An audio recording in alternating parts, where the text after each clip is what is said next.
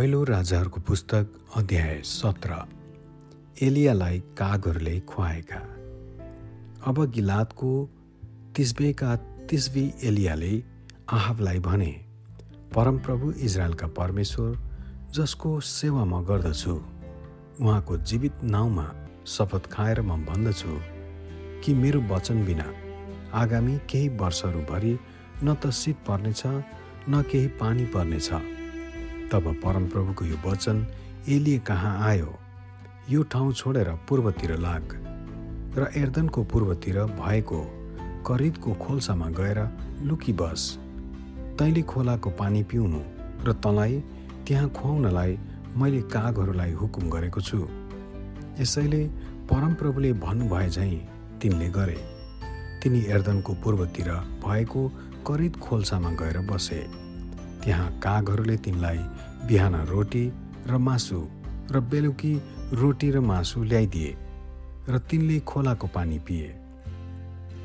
सारपतकी विधवा?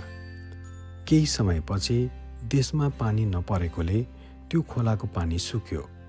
तब परमप्रभुले यो वचन तिनी कहाँ आयो। अब झट्टै सिधोनका सारपतमा गएर त्यहाँ बस। तँलाई खुवाउन मैले त्यस ठाउँमा एउटी विधवालाई आज्ञा गरेको छु। यसैले तिनी सारपतमा गए।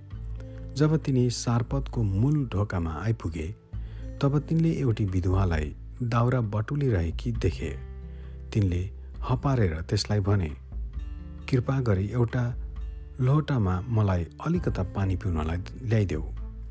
त्यो विधवा पानी ल्याउनलाई जाँदा जाँदै तिनले फेरि हपारेर त्यसलाई भने कृपा गरी एक टुक्रा रोटी मलाई ल्याइदेऊ।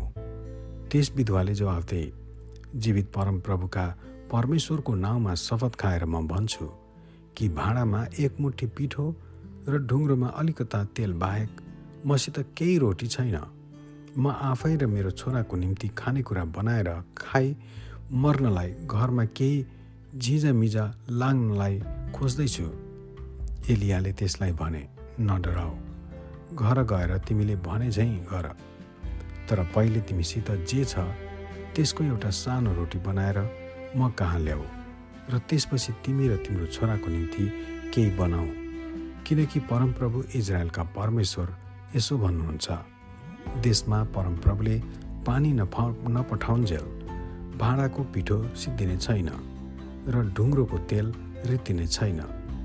त्यो विधवा गएर एलियाले भने चाहिँ गरे यसैले एलियाको निम्ति र त्यो त्यसका परिवारको निम्ति दिनहुँ खानेकुरो भयो। किनकि एलियाद्वारा परमप्रभुले भन्नुभए चाहिँ भाँडाको पिठो सिद्धिएन र ढुङ्ग्रोको तेल पनि रितिएन।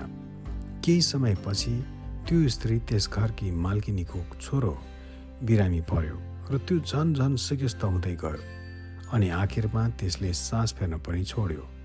तब त्यस स्त्रीले एलियालाई भनी हे परमेश्वरका जन तपाईँको मेरो विरोधमा के छ?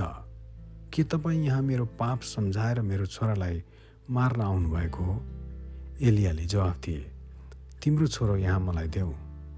एलियाले त्यसलाई त्यस स्त्रीका हातबाट लिएर आफू बसेको माथिल्लो कोठामा लगे र त्यसलाई आफ्नो ओछ्यानमा राखे। त्यसपछि तिनले परमप्रभुलाई हपारेर भने हे परमप्रभु मेरा परमेश्वर के म जस कहाँ बसेको छु त्यसको छोरालाई मारेर त्यस विधवामाथि यो विपत्ति तपाईँले ल्याउनु भएको हो। तब तिनी तिनपल्ट त्यस बालकमाथि लमतन्न पस्रे र परमप्रभुलाई हपारेर भने हे परमप्रभु मेरा परमेश्वर फेरि यस बालकको जीवन यसमा फर्कोस्। परमप्रभुले एलियाको पुकारा सुन्नुभयो र त्यसमा जीवन फर्क्यो र त्यो बाँच्यो। एलियाले बालकलाई उठाएर कोठाबाट तल घरमा लगे। त्यसकी आमालाई तिनले दिएर यसो भने हेर त तिम्रो छोरो जिउँदैछ। तब त्यस विधवाले एलियालाई भने अब मलाई यो थाहा भयो कि तपाईँ परमेश्वरका जन हुनुहुँदो रहेछ र तपाईँको मुखबाट निस्केको परमप्रभुको वचन सत्य रहेछ। आमेन।